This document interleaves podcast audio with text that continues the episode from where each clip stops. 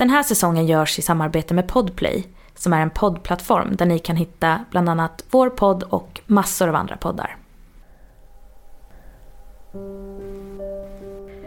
Du har motvilligt ställt upp på att vara kattvakt åt grannen och mata hans surmulna persikatt. En stor fet grå dam som helst håller sig för sig själv.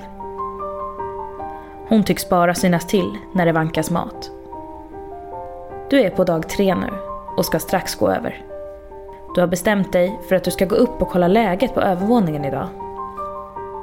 Din granne sa att du inte skulle gå upp dit utan endast hålla dig i köket. Det förvånade dig inte då han är lika mycket enstöring som sin katt. Du hade dock hört dunsar och skrapande ljud från övervåningen två dagar i rad. Till och med grannen borde väl vilja att du kollar av vad det är. Han kanske har glömt fönstret öppet och så har en fågel fastnat någonstans. När du kommer in i hans lilla hall hör du återigen de märkliga ljuden. Det låter dock inte som en fågel. Det låter faktiskt som något betydligt större. Du börjar försiktigt gå upp för den knarrande trappan. Ljuden verkar inte påverkas av din närvaro alls, utan fortsätter repetitivt. Du börjar fundera på om det kanske är något som står och slår, till exempel ett öppet fönster. Fast när du tänker efter har fönstren sett stängda ut från utsidan. I trappuppgången hänger en bild på din granne och en kvinna i vit klänning. Har han varit gift? Stackarn kanske är enkling. Du kommer upp för trappan och vad som gissningsvis är badrumsdörren möter dig. Den är stängd. Barrikaderad till och med. En stor står lutad mot handtaget och dörren ser sliten ut. Du kommer av dig en stund. Vad fan är det här? Det börjar kännas obehagligt, men tanken på att han gömmer ett stackars djur där inne slår dig. Du lyfter ner stolen och med ett duns flyger dörren upp. Ett vrål och en stank du aldrig förr upplevt slår mot dig. Det enda du hinner uppfatta är en förruttnad kvinna i vit klänning som sitter fast i kedjor. Jag heter Miriam. Och jag heter Malin. Välkomna till Skräckinjagande väsen.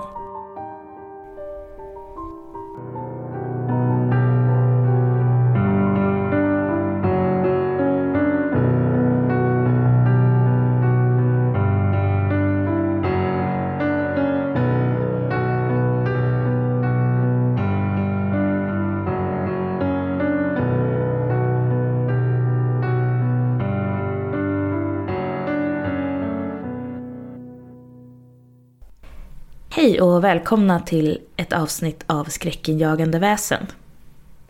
Idag ska vi prata om zombier. Ja, och det här ämnet har ju varit väldigt efterfrågat. Vi har fått många förslag på att prata om zombier. Mm. Och vi har kanske dragit oss lite från det från början för att vi tänkte att det är ett ämne som både vi och andra vet väldigt mycket om. Men nu när vi har grävt ner oss i faktan så känner i alla fall jag att jag har blivit förvånad över ganska mycket och att det var väldigt intressant att läsa på om det här.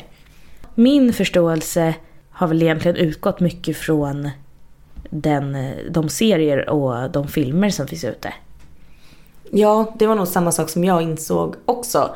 Att min syn på zombier är väldigt amerikaniserad. Det är väldigt mycket Hollywood. Eh, och att jag kanske hade glömt bort voodoo-sidan som egentligen var mer påtaglig när vi var barn. Vi pratade ju om att många barnprogram tog upp det lite när vi var små. För nu känns det som att i de serier så som finns ute nu så blir man ju en zombie antingen genom någon form av virus eller att man är en levande död. Och vi tänkte börja med att läsa lite fakta för er. Länkarna till faktan finns i avsnittsbeskrivningen.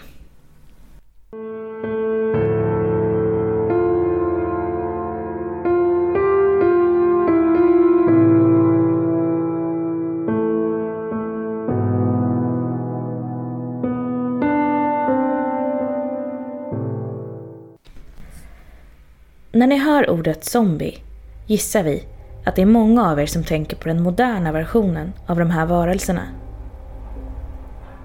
Den som vi ser i amerikanska filmer och tv-serier. Som till exempel The Walking Dead, Resident Evil, Nights of the Living Dead och flera andra.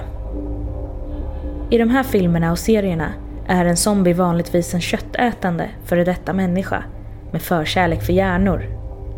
De rör sig robotlikt och kan mycket sällan konversera. Möjligtvis grymtar de till lite ibland. De har ofta blivit smittade av någon form av zombievirus som de sprider vidare till andra. Den här varianten är relativt ny. Den kom till bioduken 1923 med filmen White Zombie. Myterna och legenderna om levande döda är betydligt äldre än så.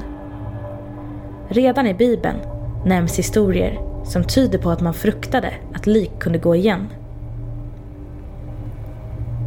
Det talas om benhögar som bygger upp sig själva och klär sig i kött och muskler och även om kroppar som får liv efter döden. Också de gamla grekerna tycktes tro på det fenomenet då flera arkeologer har grävt upp gravar där man har lagt stenar eller kilat fast liken i marken. Antagligen för att undvika att de går igen. Men vår version av vad en zombie är tycks härstamma från Haiti och voodoo-religionen. Man tror att namnet zombie kommer från ordet nzambi som betyder gud eller själ på kreol. På 1600-talet var det flera människor som kidnappades från sina hem på Haiti och tvingades att arbeta som slavar på de stora plantagen.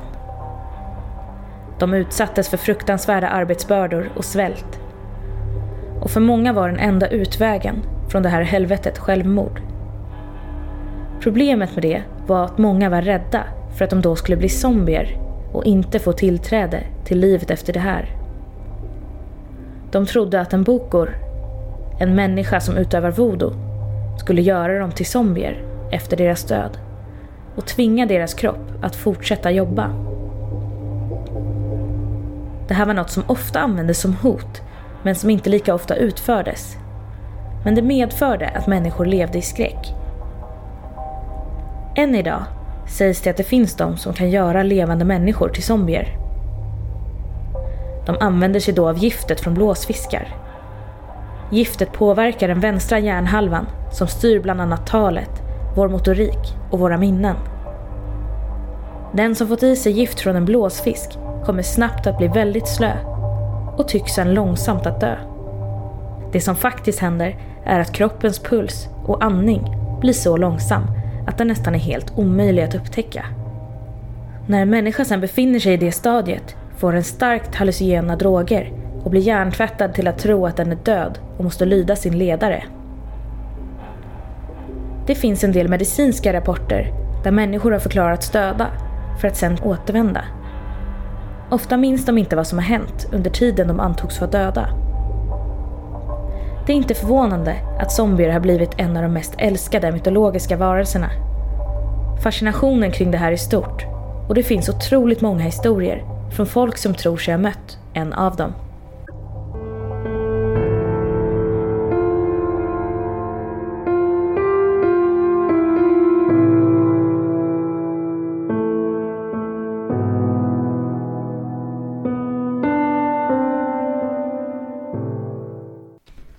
Något som vi inte tog upp i faktan och eh, som många verkar anse vara ett sätt att faktiskt göra oss till zombier, det är ju eh, genom svampar. Och det är ju populärt i vissa spel till exempel. Ja, även den här filmen som var populär som är baserad på en bok, den här The Girl with All the Gifts. Mm. Den är ju också baserad på just den här äh, parasitsvampen. Det roliga är att jag kommer ihåg när du visade en video för mig för väldigt många år sedan.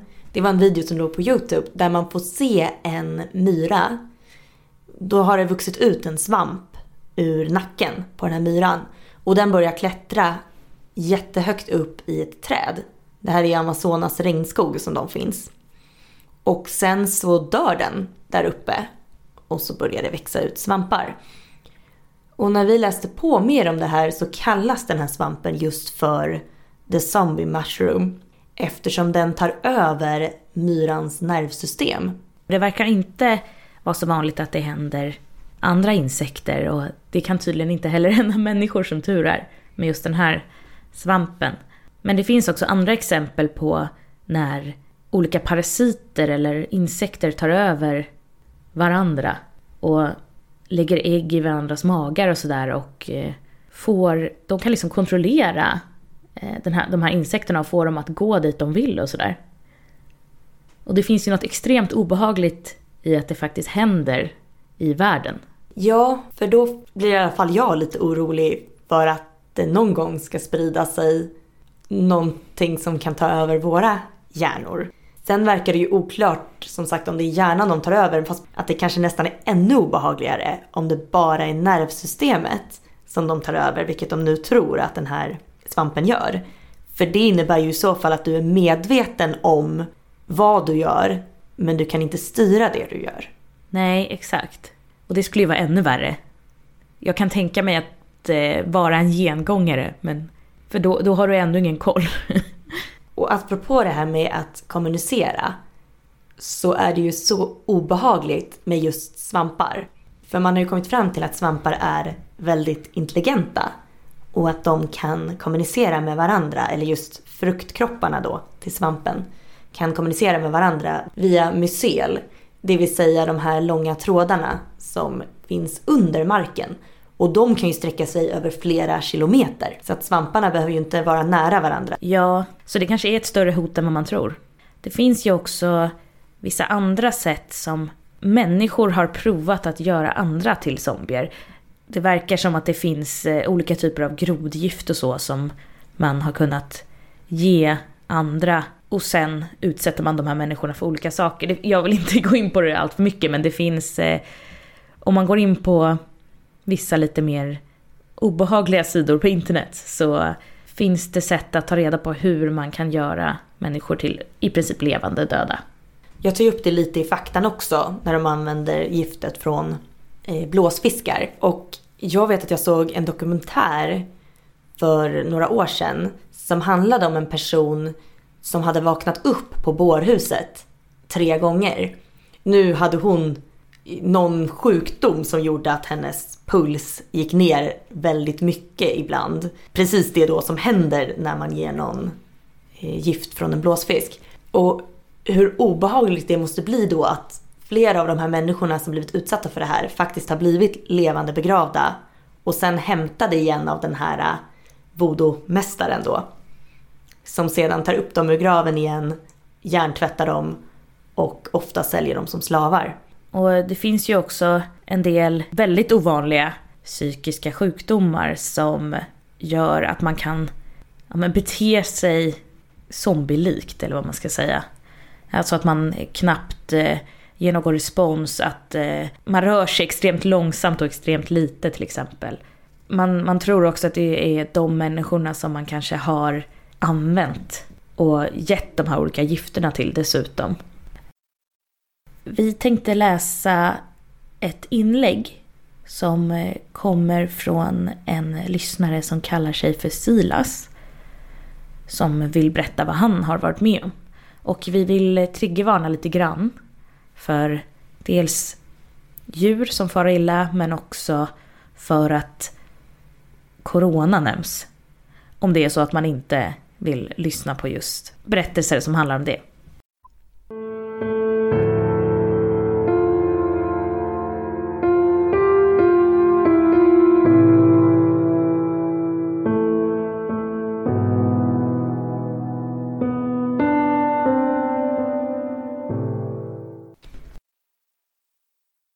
Jag vill verkligen inte göra det här till en politisk diskussion. Corona är svårt nog för alla. Oavsett hur man har valt att hantera det. Jag vet att alla inte har samma möjligheter som jag har i den här situationen.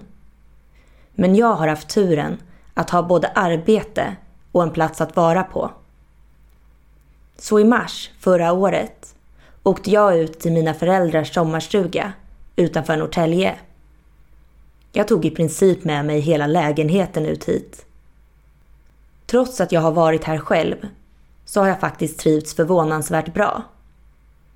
Dessutom har jag haft Holly, min chokladbruna pudel.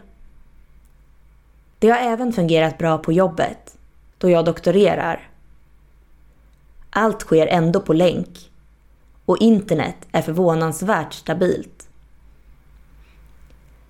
Visserligen har det varit lite sämre nu under vintern, men jag kan ändå göra vissa saker offline.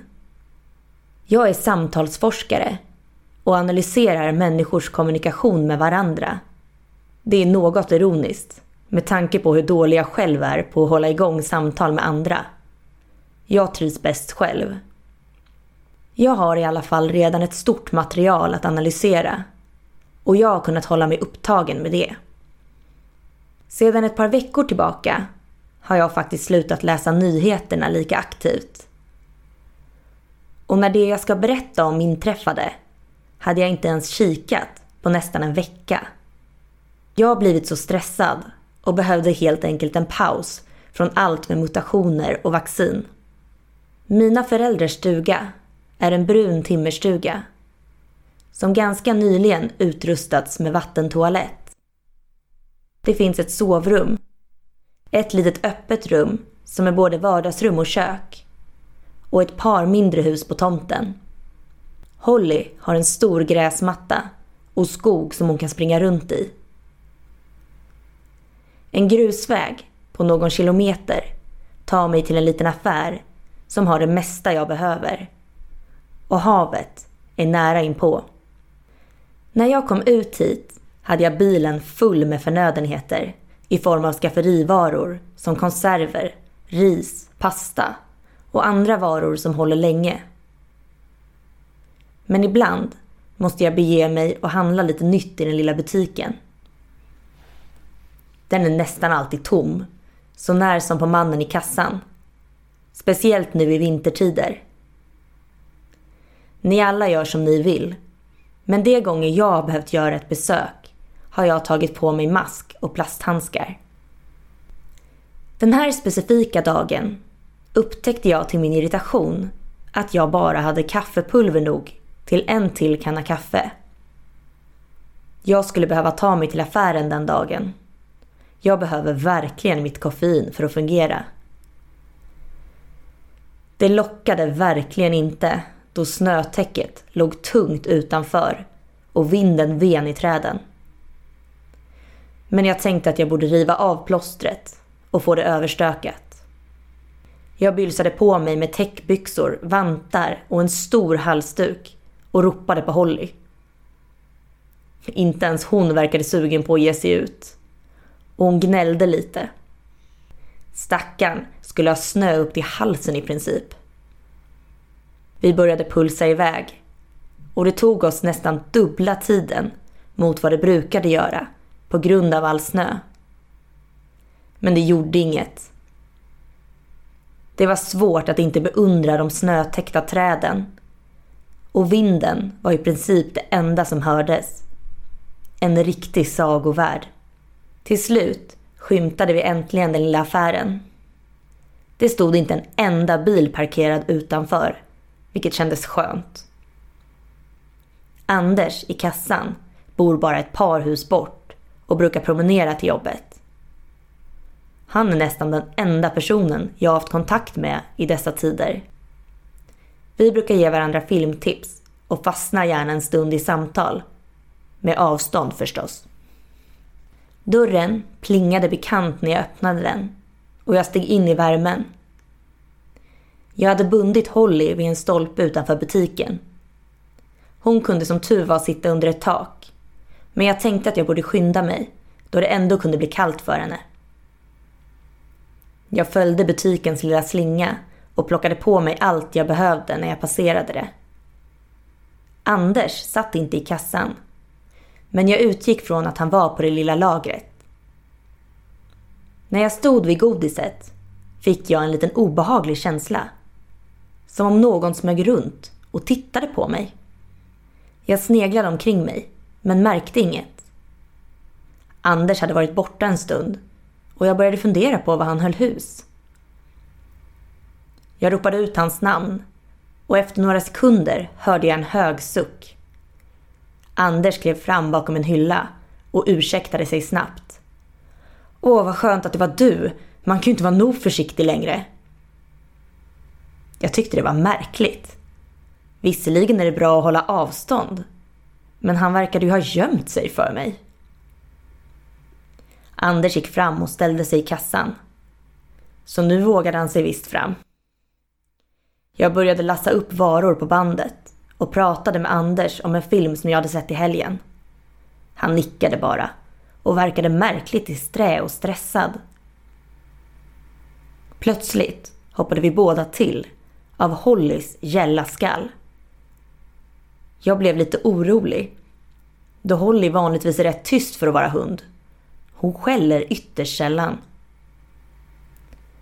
Jag sa till Anders att jag bara skulle ut en snabbis och titta till henne. Det var fortfarande en del varor kvar på bandet, men jag ville kika så att allt var okej okay med Holly. Då gjorde Anders något som han aldrig gjort tidigare. Han gick fram mot mig och tog tag i min arm.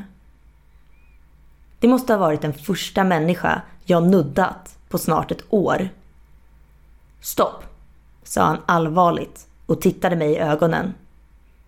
Varför tog du med henne? Tänk om det är en av dem som är där ute? Jag ryggade undan. Det kändes konstigt och ovant att ha någon så nära inpå. Vad håller du på med? Vad menar du? Ja, de... Anders hann inte säga något mer innan Holly gav ifrån sig ett hjärtskärande skri. Det var olikt något annat jag hört innan och det fick mitt blod att frysa.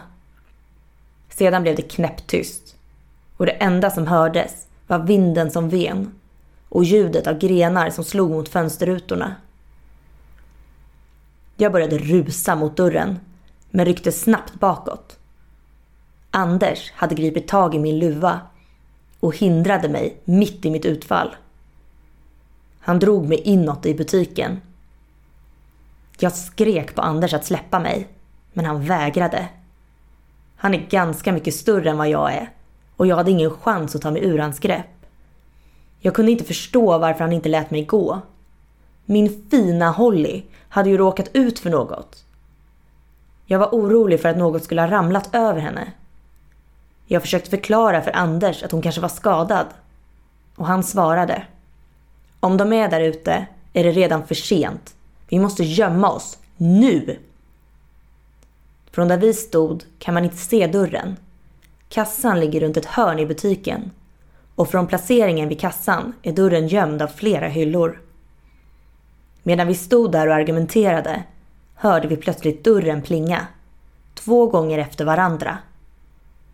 Ett par personer måste ha klivit in. Anders fick något panikslaget i blicken och började återigen slita i mig. Han viskade åt mig att följa efter honom in till lagret som var bakom en låsbar dörr ganska nära kassan. Anders beteende var chockerande och jag kände hur mitt hjärta bultade hårt. Jag smög efter honom när han långsamt sköt upp dörren och vi tog oss in på lagret. Jag var skräckslagen. Vad fan hade hänt? Hade Anders några som var efter honom? Anders var skärrad, men irriterad när vi stod inne i det lilla rummet. Vad i helvete tänker du med? viskar han irriterat. Fattar du hur jävla nära det där var? Holly lockade säkert till sig dem. Och nu kanske de förstör hela jävla butiken. Vilka då undrade jag vad är det som har hänt? Men bor du under en jävla sten eller? De där, ja vad fan vet jag, sjuka människorna. Ja men mutationen. Den som de upptäckte förra helgen, svarade Anders. Jag har inte följt några nyheter alls de senaste veckorna, viskade jag. Oj jävlar, jag fattar inte hur du kan ha missat det här. Jag vet inte så mycket, men människor verkar ha blivit helt jävla galna river, biter och har ihjäl varandra som om de vore zombier. Allt det här var svårsmält, minst sagt. Jag tystnade i någon sekund. Då hördes det höga dunsar utanför dörren. Släpande, hasande ljud följdes av märkliga stön och gurglande. Det lät som taget ur The Walking Dead. Jag andades snabbt. Vi hörde ljuden av hyllor som vältes och varor som slängdes runt i butiken. Vi sjönk båda ner på golvet och satt och tittade framför oss. Jag förbannade att jag inte tagit med mig min mobil. Anders verkade inte heller ha någon. Efter vad jag gissar var ungefär en halvtimme hördes ett plingande ljud och dunsarna tystnade. Vi tittade på varandra utan att säga något i några minuter. Sedan reste jag mig sakta upp och vred långsamt, långsamt på låset och tryckte ner dörrhandtaget för att kika ut. Jag tittade runt i butiken och skannade av det som var inom synhåll. Det var tomt vid kassorna. Efter några sekunder hördes ett svagt ljud och bakom en av hyllorna blev något synligt. Jag hann skymta något och jag stängde och låste genast dörren igen. Det tog en stund för mig att förstå vad det var jag hade sett. Allt gick så fort. Det var en man som låg ner på golvet. Jag hann få syn på överkroppen som med hjälp av armarna hasade sig fram. Huden hade en blågrå ton och håret var stripigt och klistrat längs sidorna. Det såg ut som en stor bit av hans ansikte saknades. Som att något var bortslitet eller bortbitet. Såret såg ruttet ut. Anders förstod på min reaktion att jag hade sett något. Vi sa inget till varandra utan satte oss ner igen. Efter vad som kändes som någon timme ställde sig Anders upp och gick bakom några hyllor på lagret. Han kom tillbaka med filtar och varsin kudde. Jag behöll alla ytterkläder på men tog av mig min mask och handskarna. Vi la oss båda ner och jag stirrade upp i taket. Någon gång, jag vet inte efter hur lång tid, så hörde jag hur dörren plingade till igen. Efter flera timmar av att ha stirrat upp på det gråa betongtaket så måste jag till slut ha somnat av ren utmattning. Jag vaknade av att Anders väckte mig. Vi har varit här inne i många timmar nu. Det har varit helt tyst sedan det andra plinget. Jag tänker kika ut igen. Anders reste sig upp och öppnade långsamt dörren. Han kikade runt i rummet ett tag innan han långsamt tog ett kliv ut i butiken igen. Han stängde dörren bakom sig och lämnade mig på lagret. Mitt hjärta slog hårt medan jag väntade. Efter ett par minuter återvände Anders och öppnade dörren helt. Kusten är klar nu. Det är helt tomt här. Jag reste mig på trötta, darriga ben. Min första tanke var Holly. Jag gick med snabba steg mot dörren och gick ut mot stolpen där Holly varit bunden. I ögonvrån såg jag alla välta hyllor och varor som var spridda över hela golvet. Det var fullständigt kaos i butiken. Jag möttes av ett blodbad. Det som gick att finna av Holly var spritt i olika delar på en flera kvadratmeter stor yta. Jag vet knappt vad jag gjorde efter det. På något sätt måste jag gå tillbaka till stugan där jag nu befinner mig. Det allra första jag gjorde när jag kom hem var att sätta mig vid datorn. Och jag gick in på varenda nyhetssajt jag kunde komma på. Jag har inte hittat någonting om en mutation som skulle göra människor galna eller få dem att bete sig på det här sättet. Min första tanke var att myndigheterna har försökt dölja något. Men jag har sökt överallt och det finns verkligen ingenting att hitta. Allt kan ju vara borttaget. Men hur skulle då Anders veta om det? Och varför pratade han som att det var en självklarhet och något alla visste? Jag har till och med ställt frågan på olika forum och blivit fullständigt hånad. Jag har suttit instängd här i stugan sedan dess. Jag har inte vågat mig ut och verkligen inte nära butiken. Vad visste Anders? Eller ljög han om något som jag inte kan begripa? Såg jag verkligen en människa? Eller har jag blivit fullständigt galen? Allt jag vet är att jag inte längre har min älskade Holly. Och snart slut på mat.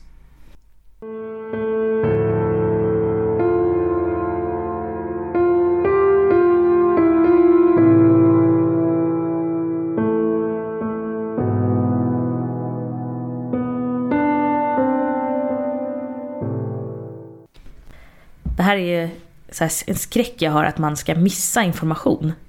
Verkligen, den här känns ju väldigt nära på något sätt. Eller ja, på många sätt såklart eftersom den utspelar sig just nu och i Sverige. Det var allt vi hade för den här veckan. Det här var det sista avsnittet på den här säsongen. Ja, och om ni är nyfikna på att veta startdatum så kan ni följa oss på sociala medier. Vi finns både på Facebook och på Instagram där vi heter Skräckinjagande väsen. Eh, och där kommer vi lägga upp så fort vi vet när nästa säsong drar igång igen. Ni kan också mejla oss om ni vill tipsa om varelser inför nästa säsong på skrackinjagandevasen gmail.com. Tack för att ni har lyssnat. Hej då!